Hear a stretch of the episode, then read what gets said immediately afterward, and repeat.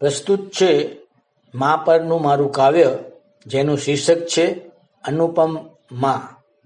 મા, જીવસૃષ્ટિ ચલાવવાનું કરિશ્માઈ કુદરતી ક્રમ હોય છે. મા, જીવસૃષ્ટિમાં હંમેશાને અનુપમ હોય છે. પોતાના લોહીથી સિંચન કરીને સાચવતી હોય છે પેટમાં બાળને. પ્રસૂતિની ભોગવે છે પીડા અને એના જીવ પર જોખમ હોય છે.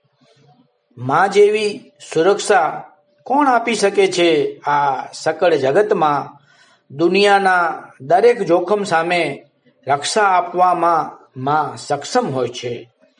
મૂંગે મોઢે સહન કરી લેતી હોય છે દુનિયાભરની પીડાઓ.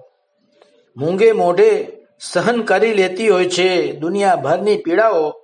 પોતાના સંતાનની હર પીડા, હર ગમનું માં મરહમ હોય છે. એક નાની સરખી પીડામાં પણ, એક નાની સરખી પીડામાં પણ ચિત્કાર નીકળી જતું હોય છે. ઓ માં, માનો કરુણામય અહેસાસ જિંદગીમાં દમ બદમ હોય છે.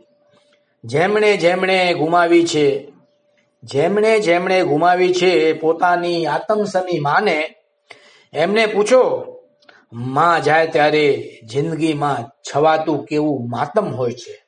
ધન્યવાદ.